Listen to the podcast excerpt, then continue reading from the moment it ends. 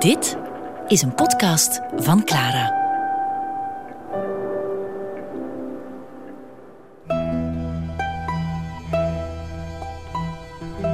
Venetia met Serge Simonaar.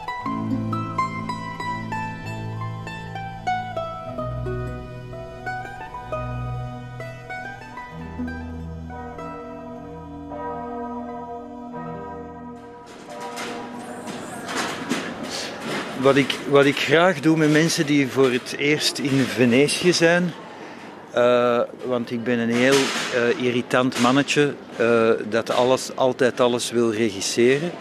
Dus dan breng ik die hier naartoe, het San Marco-plein. Liefst s'avonds heel laat, als het plein donker is en leeg, geen toeristen. En dan breng ik ze naar een dunne gangetje aan mijn favoriete trouwens munthandelaar. En dan blinddoek ik hen of ik hou mijn handen voor hun ogen. En dan gaan die ogen open en dan zien ze echt het volledige panorama met de basiliek, met de campanile en met de, het stuk dat Napoleon heeft aangebouwd. Ook een controlefreak die alles naar zijn hand wou zetten. En het fantastische daaraan is, om te beginnen is het een panorama dat je nooit ergens anders zal zien. Het verveelt ook niet. Ik, denk dat ik het nu voor de, weet veel, 300ste keer zie. En, en het is zo geweldig, maar je moet het zien bij voorkeur, bij mist, s'avonds, leeg. En dan kan je je echt in vroeger eeuwen wanen.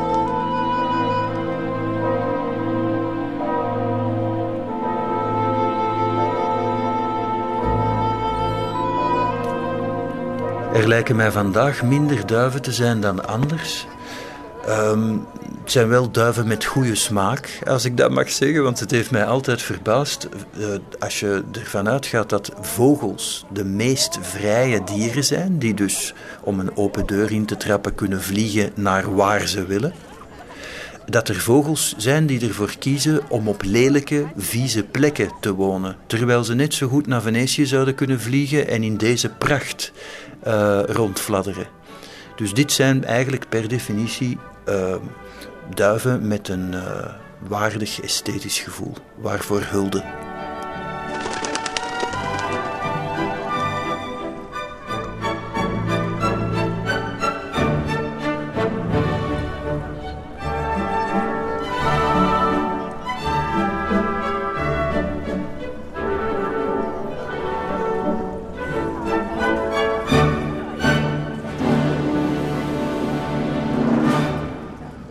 Kijk, ik heb hier een paar foto's bij uit de 19e eeuw. En je ziet, ik heb er drie verschillende, maar het is dezelfde foto. Je moet eens goed kijken. Kijk, de eerste foto is een, een, foto van San Marco van het plein met de duiven zoals het was. Enkele duiven en een, een vrij leeg plein. Waarom is het plein leeg? Omdat de sluitertijden uh, in de 19e eeuw, laten we zeggen tussen 1860 en 1900, waren de sluitertijden van de fotografie van een fototoestel zo traag um, dat je de mensen niet ziet bewegen. Iemand die toen in beweging was, die wiste zichzelf uit, die werd onzichtbaar. En er is zelfs een mooie anekdote, uh, ik geloof dat het Fenimore Cooper is, die ergens schrijft, um, er staat een fototoestel in de basiliek van San Marco onbeheerd achter. En dat fototoestel, vergeet niet in die tijd, we spreken nu 1870, 1880, uh, was een fototoestel ten eerste zeer zeldzaam, ten tweede zeer omvangrijk en log en ten derde zeer duur. En hij beschrijft dat fototoestel staat daar nu al twee dagen onbeheerd achtergelaten. Uh, hoe kan dat? Nee, dat stond daar omdat Naya, een van de beroemde fotografen uit die tijd, Naya had zijn fototoestel daar op een uh, driepoot, uh, op een statief gezet, dag en nacht, om met die enorm lange sluitertijd van meer dan 24 uur uh, het halfduister, het, het schaarse licht in het halfduister in de basiliek te kunnen vatten en toch een zeer scherpe foto te kunnen nemen. Dus zo'n fototoestel stond daar een uur, uren, soms zelfs een hele dag op donkere plekken. En daarom zie je dus vaak ook foto's uit die tijd van minder goede fotografen, waarbij je echt zo een soort ectoplasma schimmen ziet in een straat of op een pleintje van mensen die gewoon bewogen. Maar het mooie aan deze drie foto's is dat je dus eerst San Marco zoals het is. Ten tweede zie je San Marco met veel meer duiven, maar als je goed kijkt, zijn die duiven allemaal bijgetekend door een zeer goede tekenaar, want het lijken precies echte duiven, maar als je echt met een vergrootglas kijkt, het zijn nepduiven. En de derde foto is San Marco in de sneeuw. En ook dat was nep. Want de foto's werden toen al gemaakt, nogmaals, periode 1860-1900, werden de foto's gemaakt à la tête du client.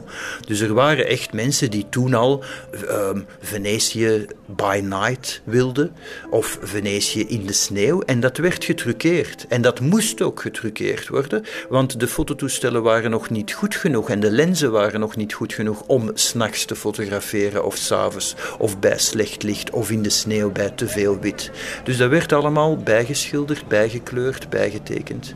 Allemaal nep, maar het ziet er fantastisch uit, omdat de, ja, het ambacht in die tijd, die tekenaars waren zo bedreven, dat, dat zou niemand nu nog kunnen. Dat, dat is ook eigenlijk een, een vorm van kunst, die nepfoto's.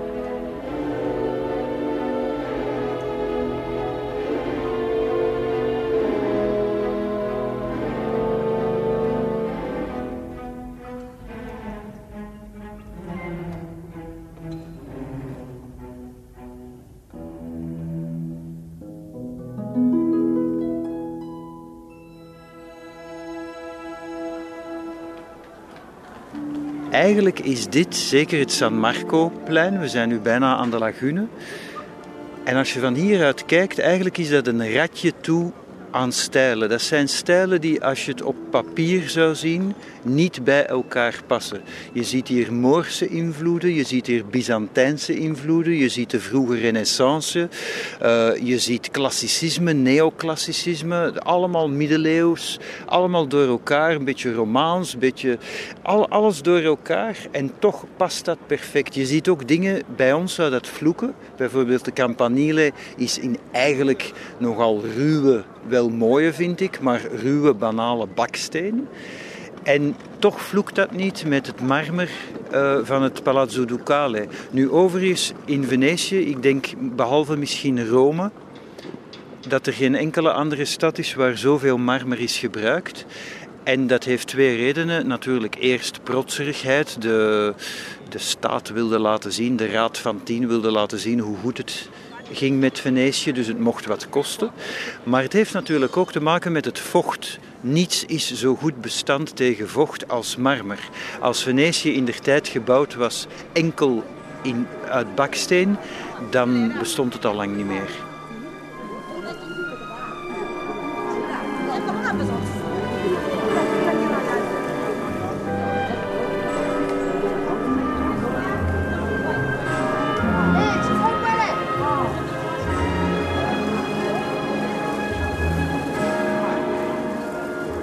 Dat is nog zo'n element dat maakt dat, dat Venetië een beetje de hemel op aarde is. Je hoort nergens zoveel klokkengelui het hele jaar door. Ik ben hier al geweest in, in de winter met sneeuw in doodseizoen, midden januari of november zoals nu. Altijd klokken.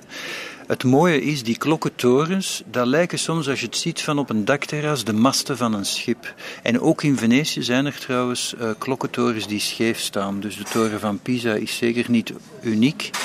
En wat ze wel dus hebben gedaan bij de Campanile, toen die in 1902 uh, eh, in elkaar stortte, hebben ze die herbouwd in 1912 en hebben ze nog recenter, een paar jaar geleden, de ondergrond versterkt met titanium.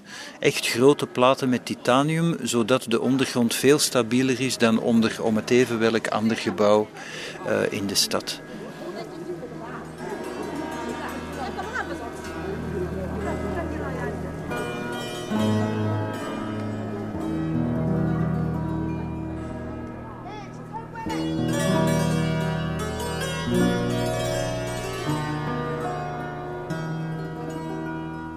Kijk, ik heb hier nog twee foto's van de instorting van de Campanile. Je weet, de toren van San Marco, de Campanile, is in 1912 ingestort. Uh, op een mooie ochtend. Uh, ze zagen het aankomen, want er kwamen eerst barsten in de toren. Hij was verzakt, vergelijkend met de toren van Pisa, maar dan nog een beetje drastischer. En omdat ze het zagen aankomen, want er waren al een paar dagen barsten in de toren, was er maar één slachtoffer, namelijk de kat van de koster. Uh, voor de rest was iedereen uit de weg gebleven. Maar ik heb hier dus twee foto's. Eén echte foto van na het instorten van de Campanile. Dus het, de brokstukken, het puin verspreid over het plein. Dat is een echte foto. Maar ik heb hier ook een klein fotootje. En als je goed kijkt met een vergrootglas, zie je dat dat nep is. Want dat is zogenaamd genomen tijdens het instorten van de Campanile. En dat is natuurlijk nep, want technisch was dat toen onmogelijk, want die Campanile is ingestort uh, op, laten we zeggen, 5, 6 seconden tijd. En de sluitertijd voor zo'n foto bedroeg toen minstens een minuut of een paar minuten. Um, dus dat kan helemaal niet. En je ziet dat die wegspringende brokstukken zijn bijgetekend.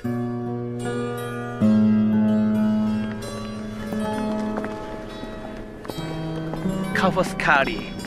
Kavoskari? Yes. Anyway, it's mm. over there. Ah, so you shouldn't go that way and you shouldn't go that way. You should go that way. And the best thing you can, you know Florian? The I, cafe. You don't know Florian? You, uh, mm, I okay. don't know. Mm. First time, first time. Okay, listen well. Mm. You, you see the tower there? Okay. You, you go left go left. And on your left, on the back of this building, on your left is a cafe. Oh, cafe. cafe. Mm. It's called Florian. Florian. Florian. Cafe. Yes. You go in the mm. cafe mm. and you ask him, and he will tell you in detail. Okay. okay to the left after the tower. Okay. Thank Good you. luck. Oh, thank you. Uh,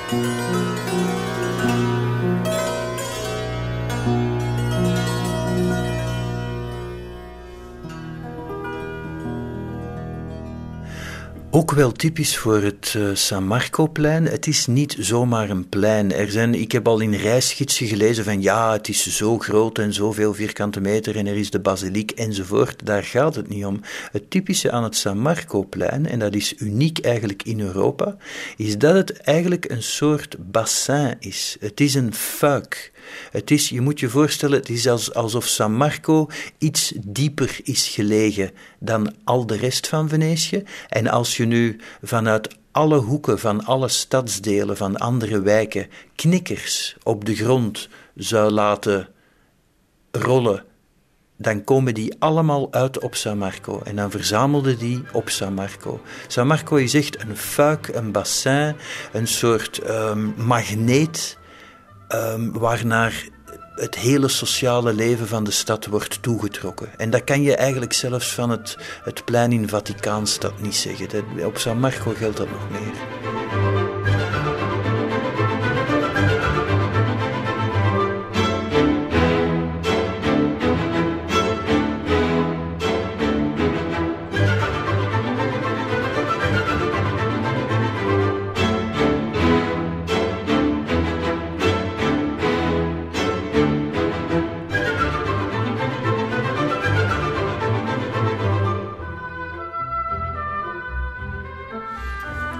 Nu, het is ironisch, heb ik altijd gevonden. Zoals gezegd, ik, ik ben niet uh, kerkelijk, niet gelovig, maar ik hou van kerken en ik hou van traditie en ik hou van spiritualiteit, religie in, in de cultureel-esthetische zin. En ik heb het altijd, en ik hou ook van geschiedenis, en ik heb het ironisch gevonden dat Venetië eeuwenlang op gespannen voet heeft gestaan met Rome. En echt heel gespannen voeten. Een aantal net niet oorlogen, een aantal net niet uh, executies, een aantal excommunicaties, zelfs van dogen in hun directe omgeving door Rome. Omdat Venetië is eigenlijk de meest katholieke stad van Europa. Als ik in Antwerpen van om het even welk hoogstandpunt rondkijk, dan zie ik maximum vier kerktorens. In Venetië zie ik er vanaf de Campanile 60, 70, 80, terwijl Venetië veel kleiner is dan Antwerpen. Nu, er is een uh, interessante kleine uh, case study, als ik het zo mag noemen, die ik las in een uh, geschiedenisboek. Toen Rome in 1606, geloof ik, als ik me goed herinner, uh, Paus Paulus uh, Borghese, een van de notoire Borghese-familie, excommuniceerde, dus, dus uitsloot. En toen die excommunicatie officieel door de paus werd be bevolen, dus zonder tegenspraak, um, zei de Raad van Tien in Venetië tegen de priesters van Venetië: werk gewoon voort. Doe alsof er niks aan de hand is. Want in die tijd, vergeet niet, begin 17e eeuw, de kerk was almachtig. Uh, maar werk gewoon voort, doe alsof er niks aan de hand is. En één priester wil de overlevering, ik was er niet bij, maar de overlevering wil dat één priester toen tegen een van de magistraten zei: Ik wacht op een teken van de Heilige Geest. Waarop de magistraat zei: Wij hebben al een teken van de Heilige Geest gehad, namelijk dat we priesters die weerspannig zijn moeten ophangen. Dus zo was het uh, meteen geregeld. Er was nog één andere weer, weerspannige priester. En daarvoor had gelukkig de immer efficiënte Raad van Tien een gifbeker klaarstaan. De Venetiaanse uh, beleidsmakers, laat ons zeggen, die waren zeer efficiënt. Dat verbaast mij altijd als je vergelijkt bijvoorbeeld met onze streken. Het, het is niet mooi en zeker niet patriotistisch om het te zeggen, maar ik heb echt het gevoel dat in die tijd, ik heb het nu over uh, de late middeleeuwen, de vroege renaissance, eigenlijk tot het begin van de 19e eeuw, dat onze streken enorm achterliepen qua efficiëntie. Als je dat vergelijkt, in Venetië waren er zeer specifieke klokken en een specifiek soort klokkengelui, niet alleen een bepaald timbre, ook een bepaald ritme, die voorbehouden waren voor specifieke beroepen zelfs. Je had bijvoorbeeld de La Trottiera, die werd meteen na de Marangona geluid. De Marangona was de hoofdklok, laat ons zeggen. En La uh, was bedoeld om edelieden tot spoed aan te manen. Als er bijvoorbeeld een belangrijke bijeenkomst was van de, van de Raad of de Mezza Terza, de bijeenkomst van de Senaat, dan hoorden edelieden zelfs van op kilometers afstand: we zijn te laat. Een andere klok was de pregadi. Dat was de klok die de senatoren naar het paleis ontbood. En je had ook nog de, na de Marangona, want eigenlijk was de Marangona ook de eerste klok die werd geluid. Waarom? Omdat het belangrijkste beroep, ik heb het nu nogmaals over de middeleeuwen en de renaissance, de belangrijkste klok was voor het belangrijkste beroep. Dat waren niet eens de senatoren of de kamerleden, nee, dat waren de timmerlui omdat Venetië, vergeet niet, een, een belangrijke haven, belangrijke veroveringsmacht. Uh, ze konden op hun hoogtepunt uh, een galei bouwen op vier dagen tijd. Er is zelfs één voorbeeld en dat is historisch gestaafd, dat is zeker waar. Ik geloof toen de, de Poolse koning of zoiets, een koning op bezoek kwam hier, hebben ze om die te imponeren een galeischip op één dag gebouwd. En niet alleen om hem te imponeren, maar ook als een soort teken voor andere beleidslieden en uh, koninklijke families in andere landen. Als een soort subtiele aangeving van: kijk eens, als wij één galeischip per dag kunnen bouwen, dan kan je misschien concluderen dat het geen goed idee is om het ons lastig te maken en tegen ons een oorlog te beginnen. Maar je had uh, dus de Marangone die de timmerlieden heel vroeg opriep om naar het arsenaal te gaan. Uh, en die kondigde ook het einde van de werkdag aan. Maar de, eigenlijk de ergste klok, of tenminste de meest gevreesde klok, was Il Maleficio. Dat was de klok die alleen maar werd geluid als er een doodstraf werd uitgesproken.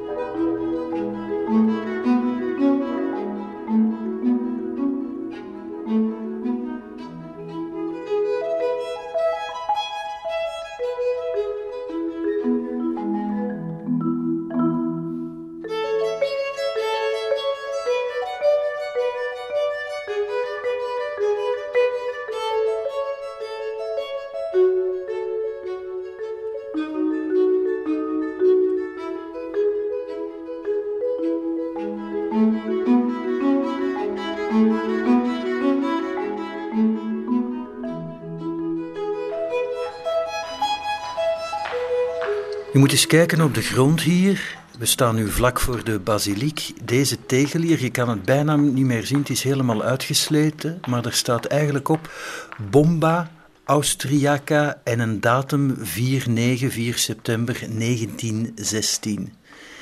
En hier is dus, uh, Venetië is godzijdank nooit echt gebombardeerd, zeker niet in de Tweede Wereldoorlog en amper tijdens de Eerste. Maar er is wel een bom gevallen van de Oostenrijkers hier echt vlak, letterlijk op anderhalve meter van de basiliek. Dus uh, met een beetje pech uh, had ze hier niet meer gestaan. Je ziet hier ook, hier even verder, we stappen nu even verder. Kijk, deze afgeknotte zuil, die staat er al langer, van de vroege middeleeuwen. Ik geloof, ik weet het nu niet meer uit het hoofd, maar ik denk 1200 of zo. En die staat hier omdat hier ooit een onthoofde onthoofding heeft plaatsgevonden van een Venetiaan, een gewone burger, die bleek later ten onrechte werd beschuldigd van de moord op een edelman. En dan moet je dan de, de dogen en de Raad van Tien weer nageven. Ze waren toch zo sportief. Als ze een vergissing hadden gemaakt, dan werd er. Uh, uh, ik ken andere. Uh, machthebbers die dat uh, onder de mat zouden vegen, hun vergissingen. Maar nee, die uh, onterecht onthoofde jonge Venetiaan krijgt een afgeknotte zuil. Daarnaast trouwens, als je ziet die andere, die grotere, veel grotere uh, zuil in porfier, in, in prachtige steen trouwens, Ehm, die heet, die noemen ze de Pietra del Bando. Dat is de steen van de afkondiging. En hier, en dat vind ik zo fantastisch, ik zeg altijd: timing is alles in het leven. Ehm, als we hier hadden gestaan honderden jaren geleden, dan waren we onthoofd of verbrand, of hadden we een onthoofding kunnen bijwonen. Uh, dan hadden we hier ook gestaan aan de Pietra del Bando, de steen van de afkondiging, de steen, de, de plek waar de, de staat, uh, de Venetiaanse raad, zijn verordeningen uitvaardigde, zijn verbanningen ook uitsprak. Dit is ook de plek waar bijvoorbeeld Casanova is verbannen. En vergeet niet, een verbanning in die tijd, ik, uh, het zal nu misschien een beetje ehm, ludiek of, of flauw klinken, maar verbannen worden uit Benidorm of Tsjernobyl is iets anders dan verbannen worden uit Venetië. Um, en zeker in die tijd was Venetië niet alleen een prachtige stad, een unieke stad, maar ook een zeer vooruitstrevende stad op een aantal vlakken en ook een beschermde stad en ook waar, waar zelfs de arme mensen een goed leven hadden. Vergeet niet, als we het hebben over de periode, laten we zeggen, tussen 800 uh, en, en de late renaissance, dat zijn perioden waar in andere Europese steden, voor zover je ze als stad kon noemen, uh, mensen stierven uh, à gogo. Terwijl in Venetië, daar leefde je op een, op een beter, meer beschermd, uh, veiliger, beter gevoed, beter klimaat. Dus hier verbannen worden was een zwaardere straf. Ik heb het al eerder gezegd, de Raad van Tien, de leiding, de bazen van Venetië, waren heel sluw, doortrapt en ook heel pragmatisch, maar vooral doortrapt. En je ziet hier een stuk steen, een stuk aan de pilaar, waar de gevangenen, de veroordeelden, theoretisch en op papier een laatste kans kregen om vrij te komen.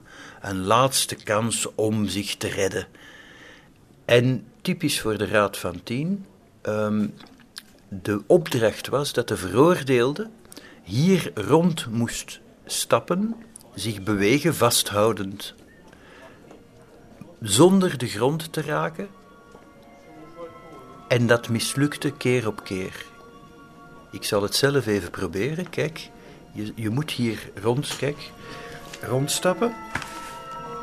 Zo. En hop, kijk, ik slip al weg, ik glij al weg. Je, je, het, het, is gewoon onmogelijk. Je kan dat niet doen. En het is trouwens geweten, de Venetianen weten dat. Um, in de hele geschiedenis van Venetië is het nog niemand gelukt. Zelfs geen acrobaat, geen jongleur, geen goochelaar of wat, dan ook. Het lukt nooit. Dus het was eigenlijk een hele smerige manier om te zeggen: kijk, als je dit trucje kan, als je hier rond kan zonder uh, de grond te raken, dan ben je vrij. Maar het is zo'n beetje zoals bij ons in de middeleeuwen, um, die regel van ja, uh, als een heks uh, zinkt, dan is het geen heks. En als ze boven komt drijven, is het wel een heks. Ja, dat is een, zoals de Engelsen zeggen, een no-win situation. Een lose-lose situation. Uh, natuurlijk, als je geen heks bent, dan ben je gezonken, dus dan ben je verdronken. Dus wat heb je er dan aan dat je geen heks bent? En dit is eigenlijk het Venetiaanse equivalent daarvan. Heel smerig.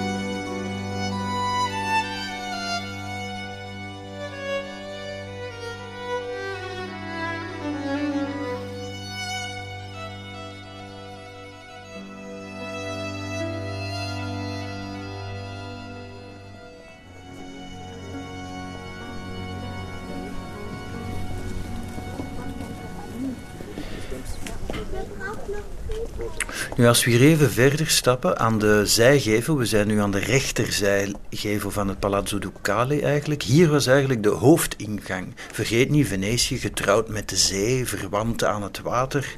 Dit is de Porta da Mar, de zeepoort. En dit was eigenlijk wat, wat ons een onbelangrijke zijingang lijkt, was eigenlijk de hoofdingang uh, tot, laten we zeggen, 1900 tot 1850 was dat de hoofdingang uh, van, de, van het Palazzo Ducale, waar de ceremonies werden gehouden, waar de processie buiten kwam. En hier zie je ook aan de Porta della Carta, uh, wat de, de vroegere hoofdingang was van het Palazzo Ducale, zie je ook dat standbeeld hier, of die, die beeltenis van vier, hoe moet je het noemen, vier strijders of vier. Um, merkwaardige figuren. Ze noemen ze vier moren. En het is een mythe dat vier moren ooit een schat wouden stelen uit het Palazzo Ducale en dat ze hier daarom zijn betrapt en versteend. Nu, van hieruit heb je ook een mooi zicht op de twee zuilen. Je weet, de, de zuil met de krokodil op en de zuil met San Marco.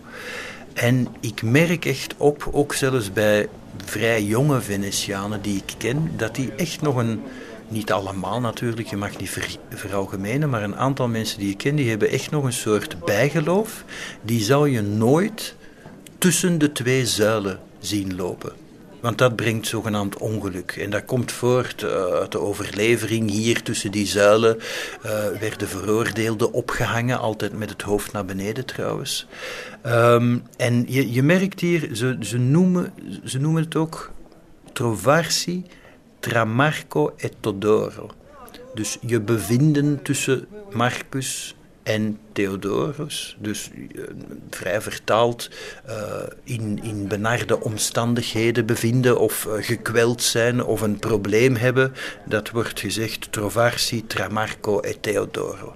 Dus tussen de twee zuilen met de twee heiligen je bevinden is een probleem zijn, in moeilijkheden zijn. We zullen even gaan zitten op dit bankje hier. Enfin, het, is, het is eigenlijk geen bankje, het is, het is eigenlijk meer een, uh, een sokkel. Kijk, wat staat hierop op dit bankje?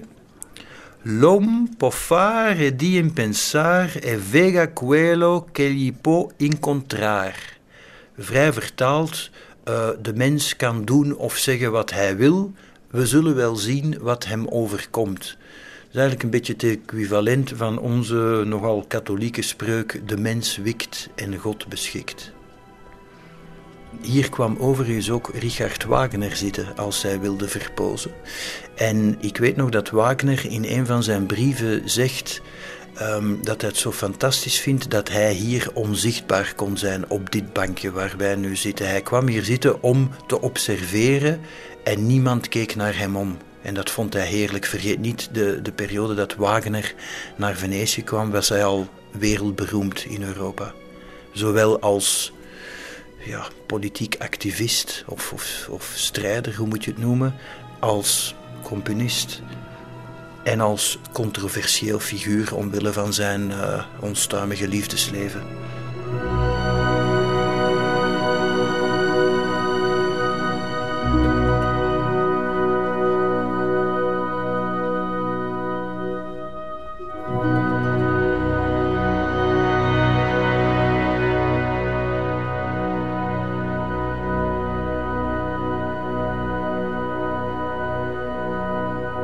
Venetia met Serge Simonaar.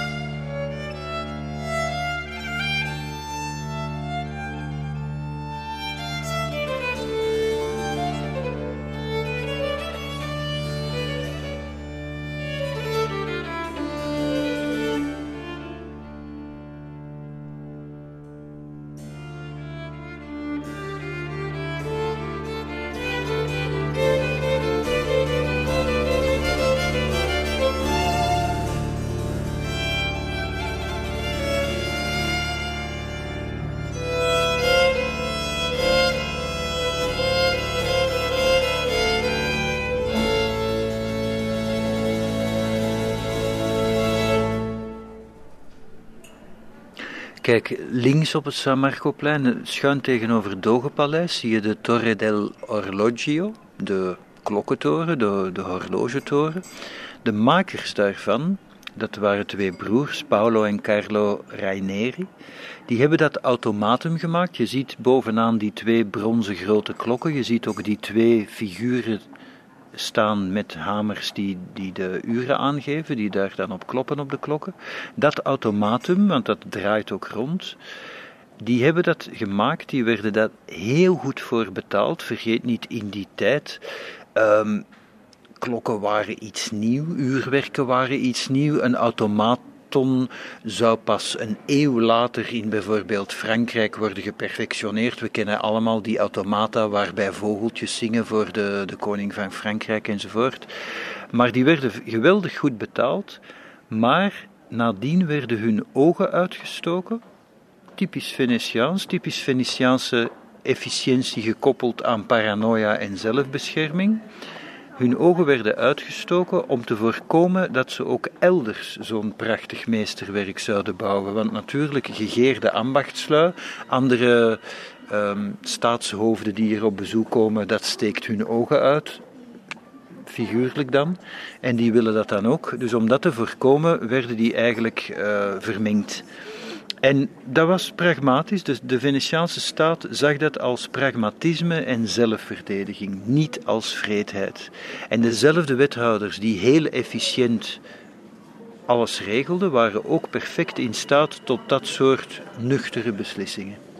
Nu, ook wel amusant, de laatste klokkenluider van San Marco, de laatste officiële betaalde klokkenluider in dienst van de Republiek, die was twee meter. Nu, grote mensen in die tijd, dat weet iedereen, waren heel zeldzaam. Casanova was een meter 87 geloof ik, dat was ook een reus in zijn tijd.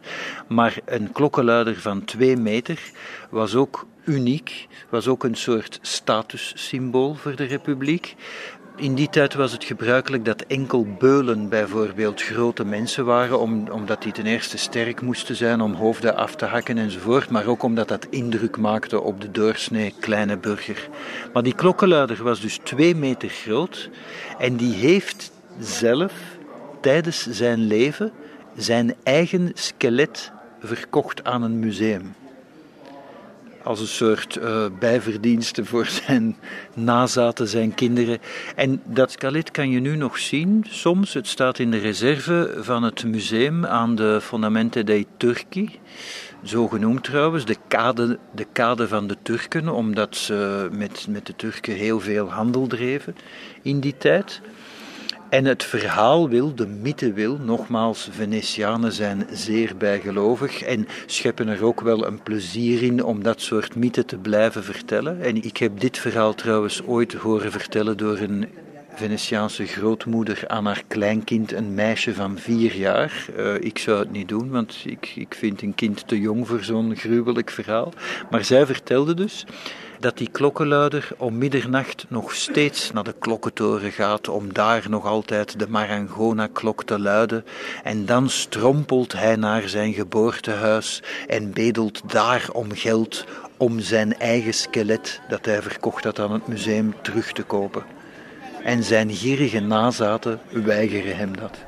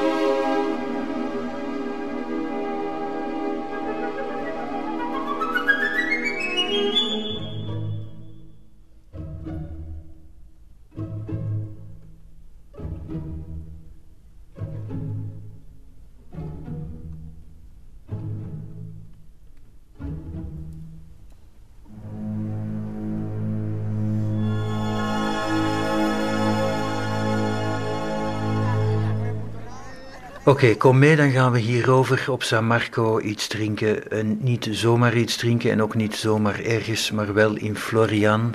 Misschien wel het mooiste café ter wereld. Uh, en zeker het mooiste koffiehuis. De Weense koffiehuizen zijn ook mooi, maar geef mij maar Florian. Ik drink overigens nooit koffie, maar in Venetië laat ik me in Florian wel cappuccino's serveren om dichter bij de stad te komen. Dat geeft mij een aangenaam gevoel. Andemo da Florian. Laat ons naar Florian gaan. Buongiorno.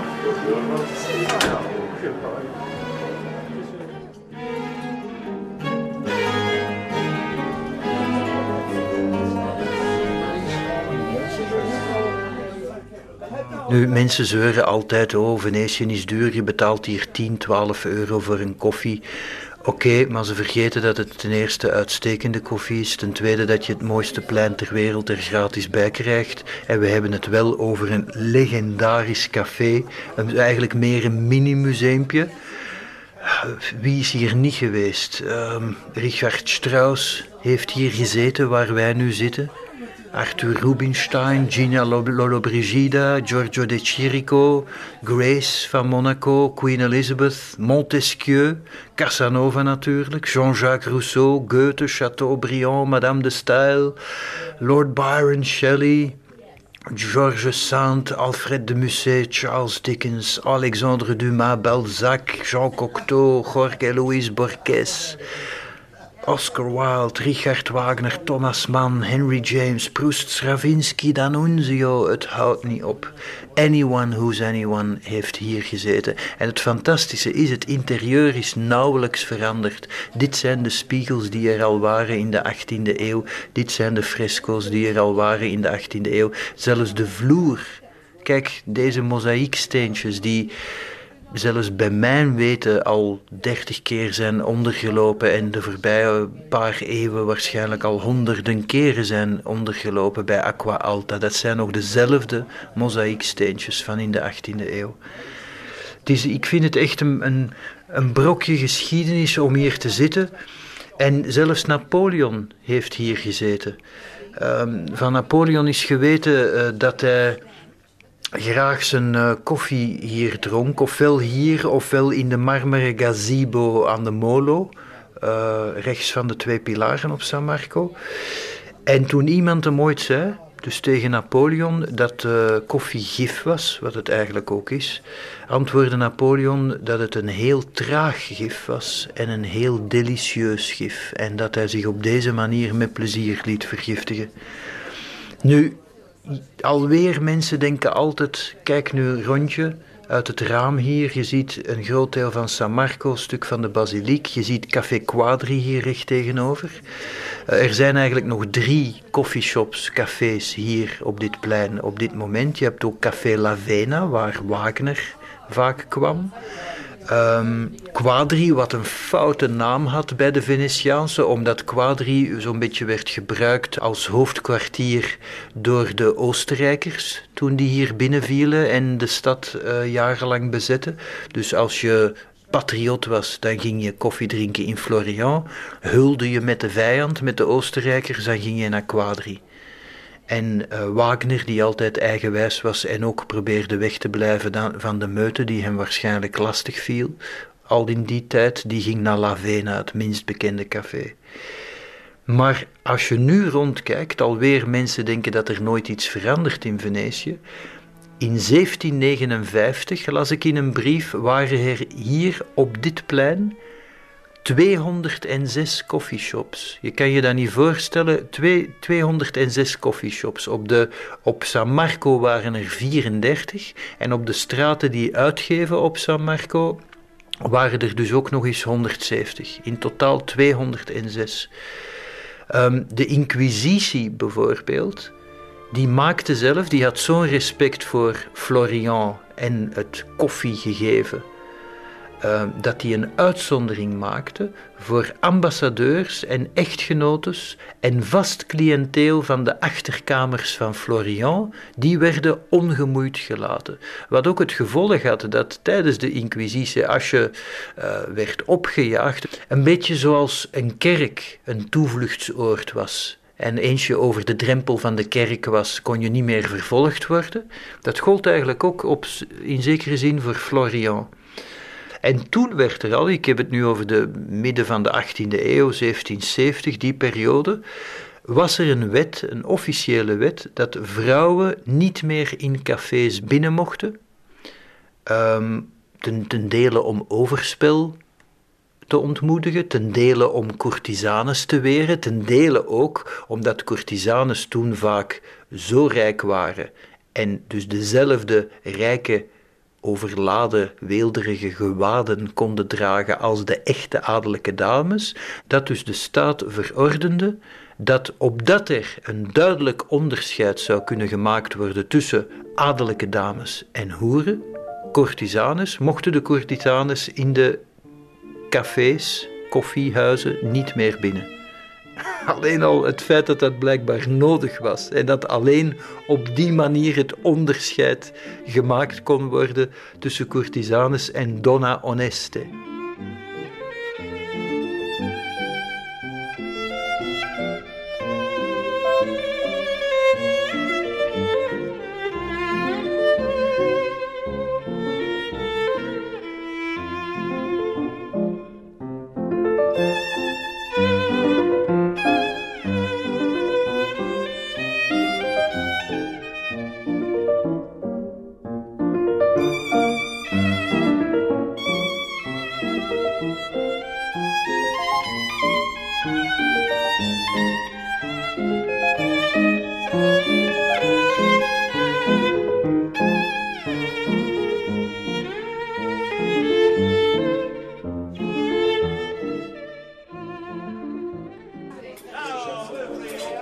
Dit café, dit koffiehuis, Florian, heette eigenlijk oorspronkelijk Venetia Trionfante. Typisch zo'n Venetiaanse naam vol trots. En waar wij nu zitten, hierboven zijn nu kantoren van de stad, van de gemeente. Vroeger was dit ook een soort hotelletje, of toch een soort rendezvoushuis. Meerdere koffiehuizen waren eigenlijk ver, vertoezeld, onofficieus, um, overspelige kamertjes. Um, er was een Oriental Room hierboven, weet ik uit een uh, Baedeker van 1860 of 1870. Een Oriental Room. Er is ook nog altijd, waar we nu zitten, de Room of Illustrious Men. Dat geeft toch ook al een mooi cachet om, om hier aan je chocolademelk te sippen. Er is ook een Senate Room hiernaast en een Chinese Room. Ik ga ook vaak uh, uh, onder de Chinaman zitten. Uh, die China Room overigens, ook boeiend, die is er sinds 1720. Dus al in 1720 wisten de Venetianen A, dat China er was, B kwamen hier Chinezen en C waren de Chinezen eigenlijk voldoende van standing om een soort erekamer aan hen te wijden. Elisabetta. 34.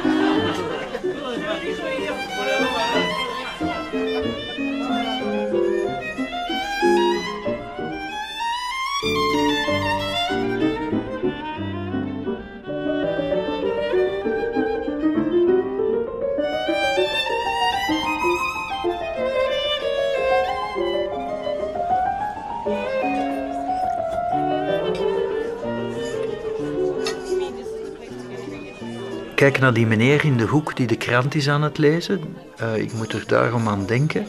De eerste krant was de Gazzetta Veneto. Opgezet, uitgegeven, verdeeld in Florian. Stel je voor, hier in 1760 werden de eerste kranten verspreid. Ik weet dat er verhalen zijn dat de, de Vlamingen er zijn mee begonnen, of de Engelsen of de Duitsers. Nee, de eerste krant was de Gazzetta Veneta 1760, dus onze, ons woord gazet trouwens, komt daar ook vandaan, gazetta. En de Gazzetta was eigenlijk niet de naam van de krant. De Gazzetta was de naam van een kleine munt. Ik heb er hier nog een bij. Een kleine munt die werd um, betaald voor de krant. Dus een, een krant, een gazet in die tijd kostte de prijs van dit muntje.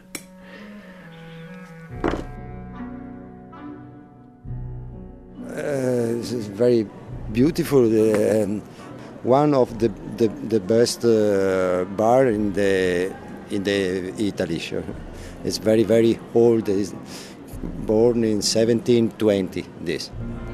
Mensen klagen soms, ja, Florian, Quadri, allemaal heel duur, um, snobistische kelners enzovoort. Maar ik vind dat helemaal niet. Ik vind de, de, de bediening, de, de mensen hier, dat valt mij echt ook, ook in hotels zoals het Gritti, Cipriani, Hotel des Bains, Excelsior, heel gedistingueerd. Echt um, niet zoals in Parijs, geen arrogante kelners, geen, soms wordt het hen wat te veel, wat ik perfect kan begrijpen. Maar wat ik me altijd afvraag is, hoe is het om hier te werken? Ik heb, een van mijn theorietjes is, en veel mensen vergissen zich daarin, veel mensen beginnen bijvoorbeeld een bed and breakfast in de Provence, maar vergeten dan dat dat geen idyllisch leven is, want een bed and breakfast, dan moet je opstaan voor je eerste klant en gaan slapen na je laatste logé. En ik vind werken op idyllische plaatsen eigenlijk een soort perversiteit. Dat je, je moet een beetje masochist zijn om te werken op prachtige locaties. En hoe is het leven van een, een kelner op de Piazza San Marco? I am very enjoying the, the, my job here in the Café Florian because you work in the beautiful square in the in the San Marco Square. A very very beautiful and here I think the people come in the Florian Café very nice. there was. Uh, uh, Al Pacino, Julia Roberts, uh, uh, De Gaulle, also I serve uh, Carlo uh, of United Kingdom. It was here, and I served it. And what did Prince Charles order?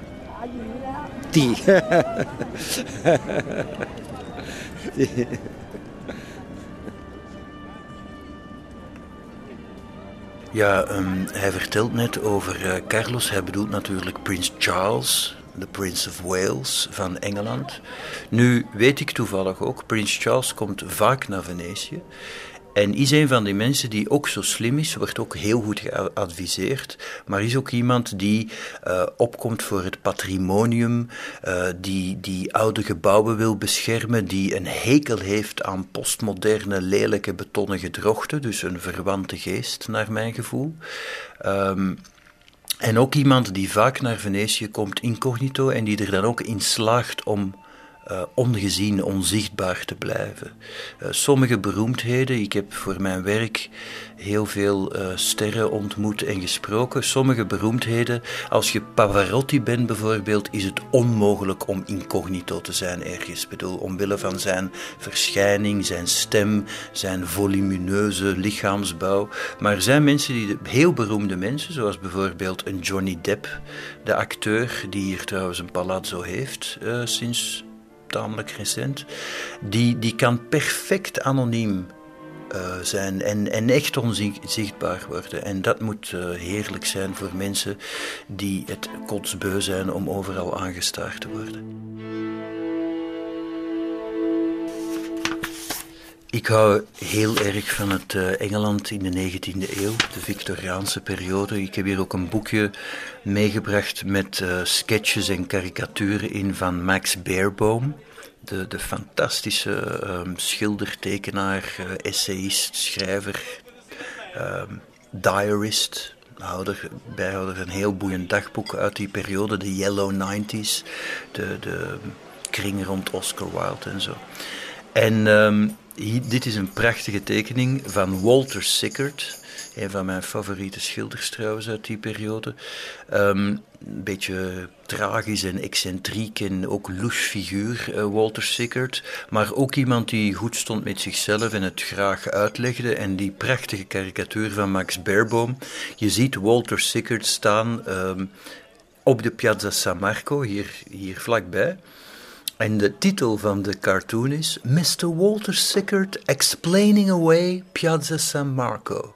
En vooral die explaining away.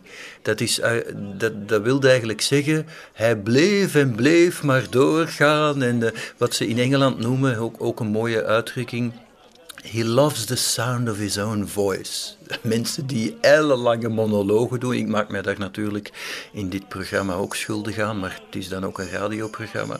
Maar Mr. Walter Sickert explaining away Piazza San Marco. Heerlijk.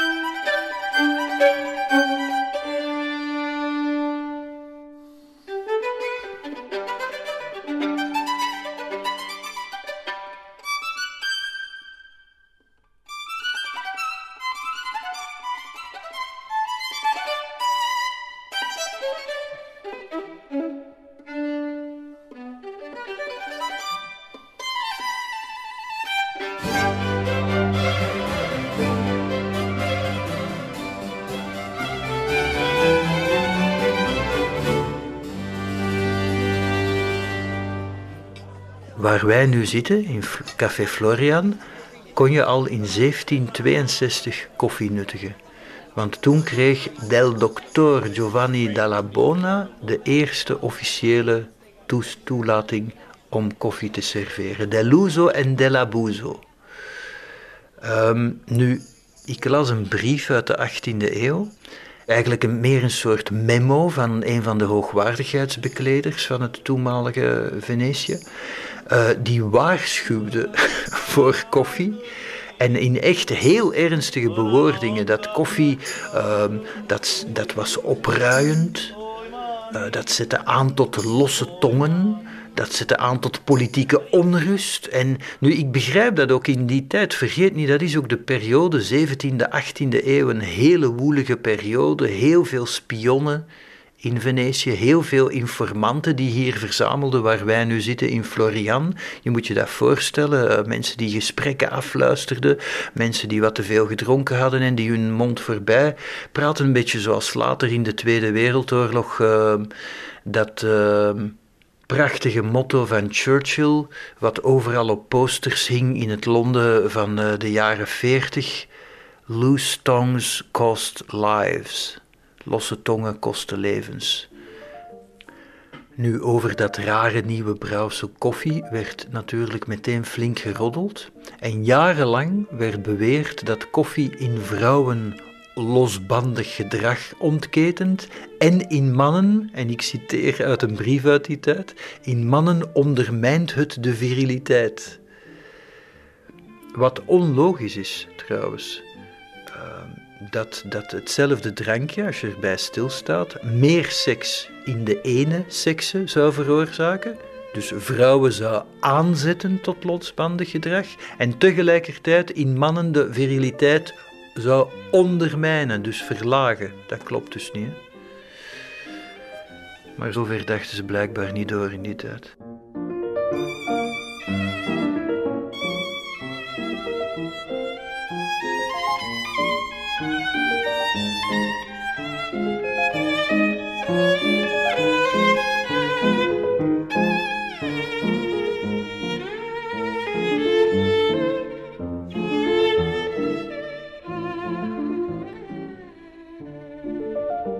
Wat ook mooi is in verband met die andere koffiehuizen. Florian had, had altijd een goede naam. Um, wat ook een van de redenen is, denk ik, dat Florian is altijd blijven bestaan. Ook dankzij het feit dat ze nooit hebben gemoderniseerd. Dat is een van de domste dingen. Een goede raad aan uh, horeca-mensen die een mooi pand hebben. Moderniseer uw pand nooit, want dat is de beste manier om het, om, op het faillissement af te stevenen. Als je een, een historisch pand hebt, uh, laat het dan in godsnaam zo, want wat nu ouderwets is, is binnen twintig jaar terug in de mode. En zo heeft Florian het drie eeuwen volgehouden. Maar wat mooi is, is dat uh, een van mijn uh, Murray-gidsen uit 1857, die vermeldt ook specifiek welk soort cliënteel naar welk koffiehuis gaat. En dan zie je bijvoorbeeld Florian, elegant cliënteel, subtiel, aristocratie, café orientale, helaas, handelaars en zeelui. Helaas, helaas in het Engels. Uh, Café Constanza, Turken en Albanese. Um, Café Aurora, allerlei slag, ook heel pejoratief. Zo de allerlei slag is eigenlijk een manier om te zeggen, ga daar vooral niet. Um, ook typisch, in die tijd, 1857, een koffiehuis hier net om de hoek, dat heette Al Arabe. Dus waar enkel Arabieren kwamen.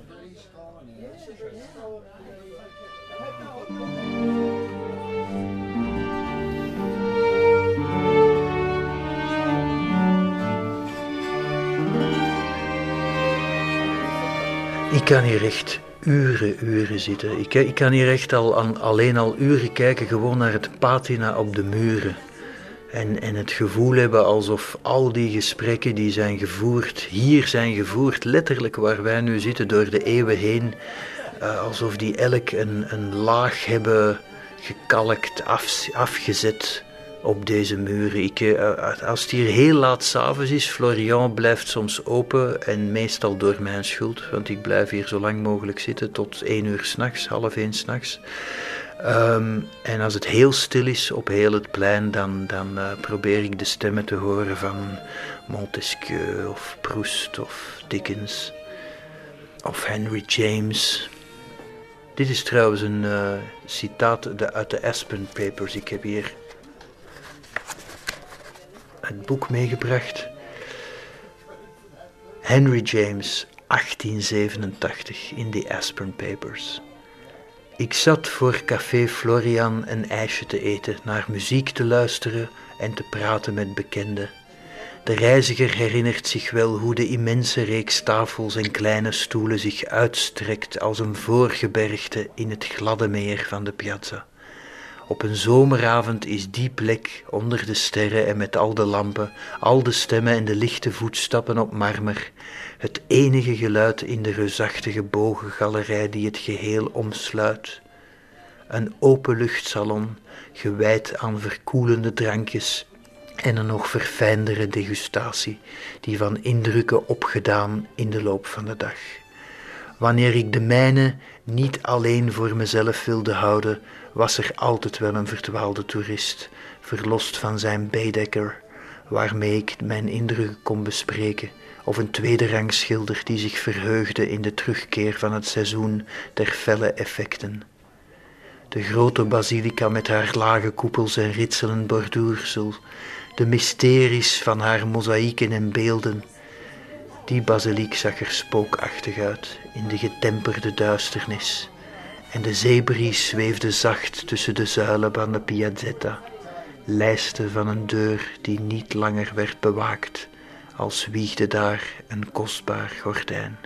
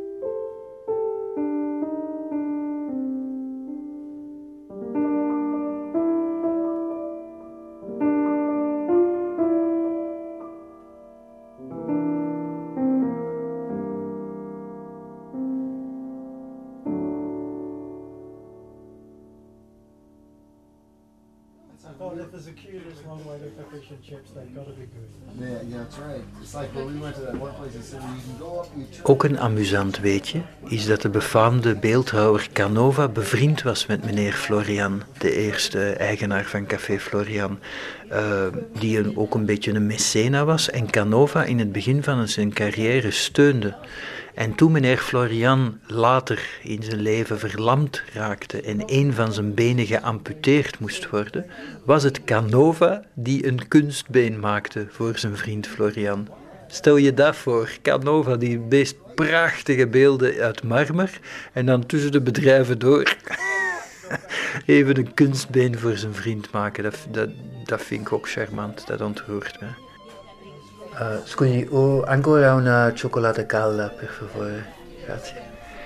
Ehm, de chocolata, chocolademelk, overigens nog altijd de lekkerste warme chocolademelk die ik ooit heb gedronken, heb ik gedronken in Florian. De chocolata ehm, was in oorsprong, zoals we weten, een Indiaans brouwsel. Nu, het grappige is dat het ook als zodanig bekend stond. Uh, toen koffie en uh, chocola eerst werden ingevoerd in Venetië, wat wij nu chocolademelk noemen, heette toen Brodo Indiano.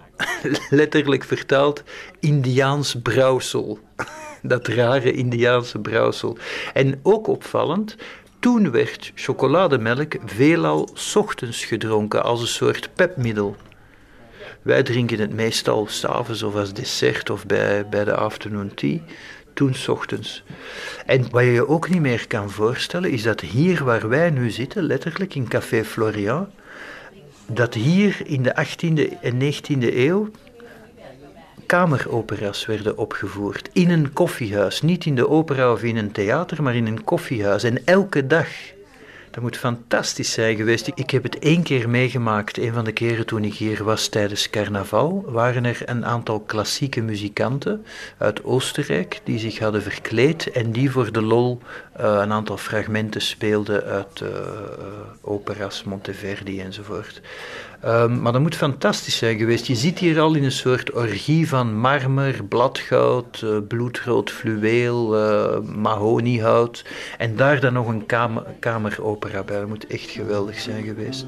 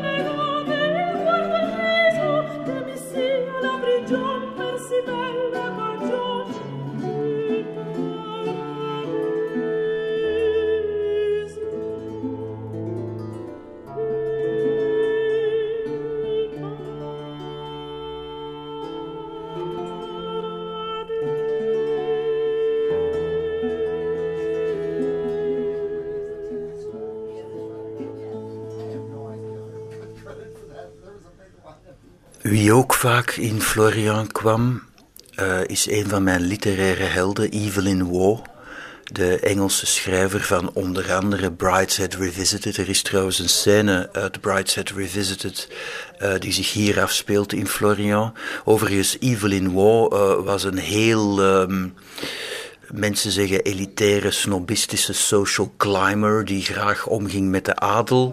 Maar ik vind hem gewoon iemand uh, met goede smaak uh, die een hekel had dat bijvoorbeeld toen al, want we hebben het nu over de periode 1920-1950, um, kwam Evelyn Waugh hier op momenten dat er geen ghastly Americans waren. Dus hij beschouwde zichzelf als een uh, Venetiaan, geen echte toerist. En hij probeerde de andere toeristen, zeker de ghastly Americans, te ontwijken. En er is trouwens ook mensen, zo oudere mensen, luisteraars van Clara, zullen daar nog weten, die prachtige televisieserie Brideshead Revisited met John Gielgud, Laurence Olivier, die Shakespeareaanse acteurs en de toen nog jonge Jeremy Irons die het ook prachtig voorleest. Um, en ik herinner me een scène waarbij ze na het ontbijt belanden ze in Florian. En dan, dan vertelt Charles Ryder, de verteller, het hoofdpersonage, een, een euforische ode aan zijn verblijf in Venetië. Die eindigt met, dat weet ik nog, de, de zin: I was drowning in honey echt het gevoel van, van overdaad en luxe en alles wat goed en verfijnd is. I was drowning in honey. Every morning after breakfast, Sebastian, Cara and I would leave the palace by the street door and wander through a maze of bridges and squares and alleys to Florian's for coffee and watch the grave crowds crossing and recrossing under the campanile. I was drowning in honey, stingless.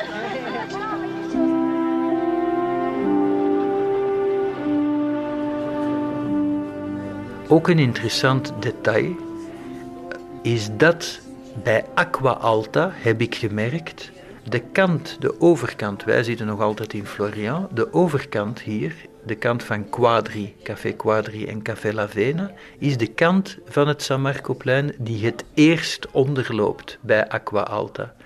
En ik had het er ooit over met een uh, kelner hier in Florian, die dat zeer amusant vond. En die mij zei van, kijk, het Aqua Alta gaat beginnen, nu moet je eens opletten dat wij hier nog heel rustig zijn, maar nu garandeer ik je dat de eerste volgende vijf minuten de kelners van Café Quadri aan de overkant in paniek slaan. En inderdaad, hij was nog niet uitgesproken of je zag die al in allerijl van alles in gereedheid brengen, omdat zij dus wisten dat zij een paar uur eerder zouden overlopen dan Florian. Um, vandaar ook dat de kelners van Florian graag beweren dat de God aan hun kant staat. Nu, eer wie eer toekomt, het was Giorgio Quadri, dus de eerste eigenaar in 1775 van het café hier aan de overkant, die als eerste uit Corfu de eerste echte Turkse koffie importeerde en serveerde. Nu, meteen werd er ook geroddeld en zo zie je ook de kleinzieligheid van onderlinge concurrentie in het, uh, het, dorp dat Venetië eigenlijk zeker toen was. Uh, dat er meteen werd geroddeld en uh, Giorgio Quadri werd zwart gemaakt en die koffie, daar was iets mis mee. En er werd zelfs gezegd, als je veel koffie drinkt, dan stapel je schulden op. Dus er werd een rechtstreekse link gelegd, niet zozeer tussen gokken en schulden, maar tussen koffiedrinken en schulden. Overigens, ik ken een, uh, uit het hoofd zelfs een uh, versje in Venetiaans dialect over Quadri van de lokale dichter Pietro Brotti uh, uit, ik denk, vroeg 19e eeuw. El gran turco che da quadri, la desuso nei biliardi, questo è il logo ovo sti ladri, se ridusse con che tardi. Quadri is, eens de nacht valt, de plek waar dieven en overvallers samenstromen om snode plannen te smeden.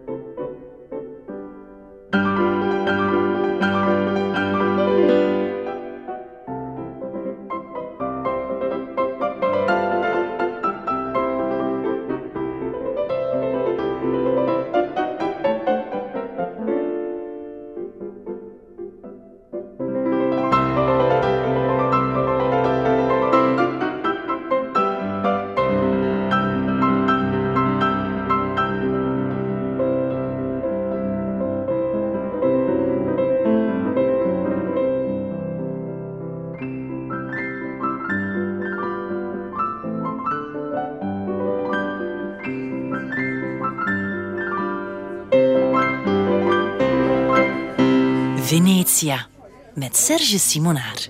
Als je kijkt naar de overkant trouwens, aan Quadri, dan zie je die ramen daar, die gebogen ramen. Op de eerste verdieping eh, heb je het restaurant van Quadri.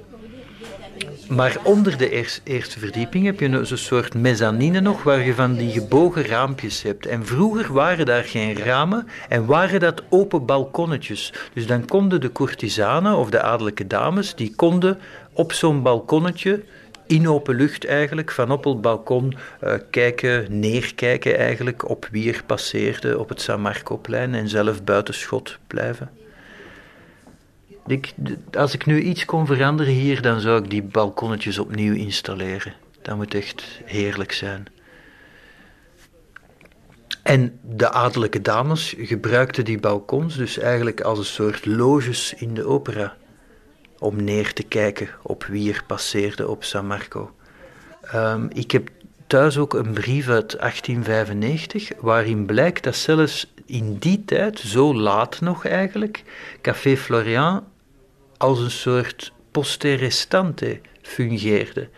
Uh, in die brief wordt heel duidelijk vermeld uh, dat de schrijver, en ik weet niet wie het is, want de brief is niet ondertekend, als je daar een brief liet bestellen, liet brengen, dan kwam die terecht bij de bestemmeling. Als je bijvoorbeeld zei van Mr. James en als adres gewoon Café Florian, dan kwam die aan die brief. Dat is toch ook fantastisch, dat is toch on ondenkbaar. Nu, het is maar een detail, maar het charmeert mij.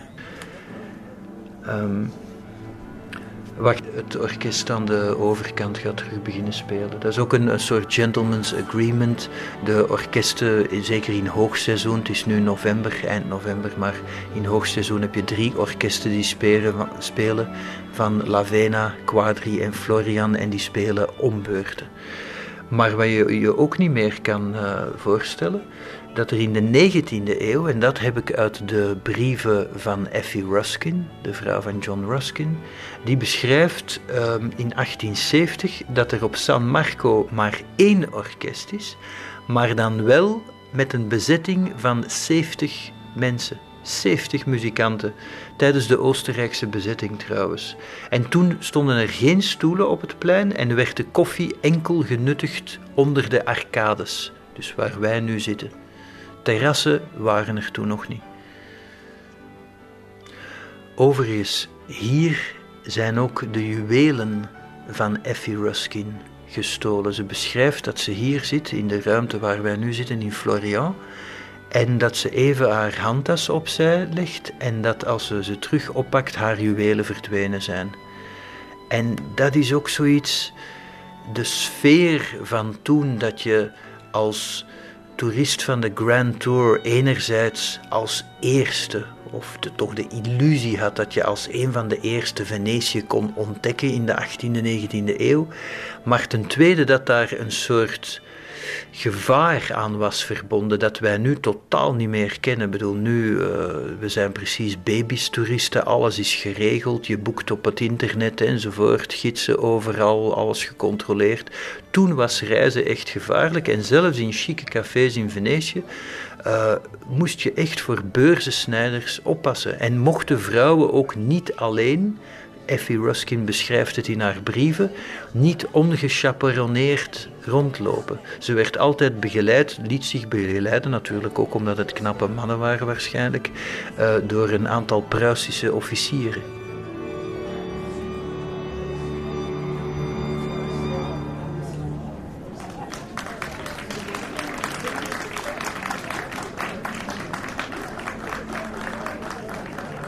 Um, ik heb hier trouwens nog een uh, mooie beschrijving van ene Hippolyte Taine. Ik kende hem niet, een Franse schrijver die een avondje in Florian beschrijft in 1864. Hij beschrijft hoe ze sorbet parfumé eten. Die kan je nu niet meer krijgen, ik zou het graag geproefd hebben. Ze roken tabac d'Orient. Ik denk niet dat ze drugs bedoelen, maar gewoon uh, Turkse sigaretten. Um, hij beschrijft hoe er uh, meisjes, arme meisjes, misschien zigeunerinnen of zoiets, bouquetière langskomen die narcisse en violet um, verkopen. Er zijn ook, wat nu ook verdwenen is, musiciens ambulants avec harpe et violon. Dus muzikanten die met de harp van het ene café naar het andere gingen. Nogmaals, toen was er nog geen café van Florian en van Quadri. En waarschijnlijk, vermoed ik, heeft de directie van Florian gezegd: ja, die harpisten, dat is concurrentie voor ons eigen orkest, dus we weren die. En wat hij ook beschrijft, Hippolyte Tijn, prachtige naam trouwens, um, is het muziek de garnison. Dus het orkest dat toen speelde 1864 um, op het San Marcoplein was een militair orkest, was een militaire kapel eigenlijk. Maar dus 150 man sterk, je moet je dat voorstellen.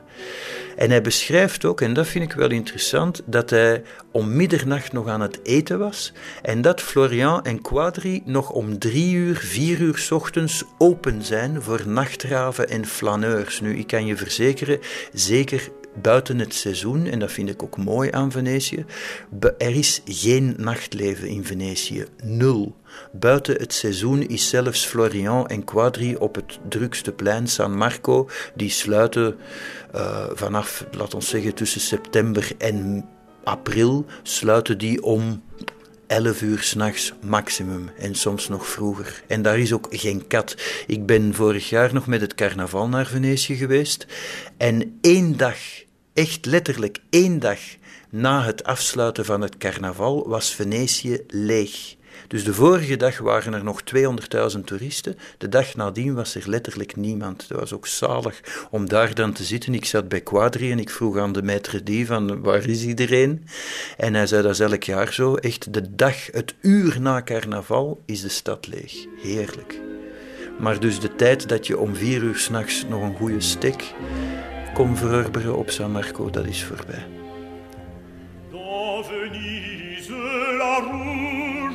Pas un bateau qui bouge, pas un pêcheur dans l'eau, pas un falot.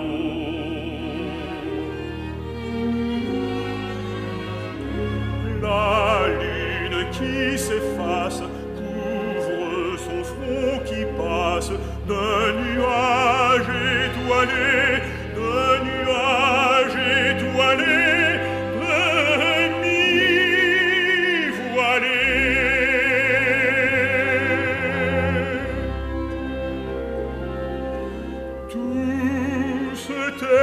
foglegar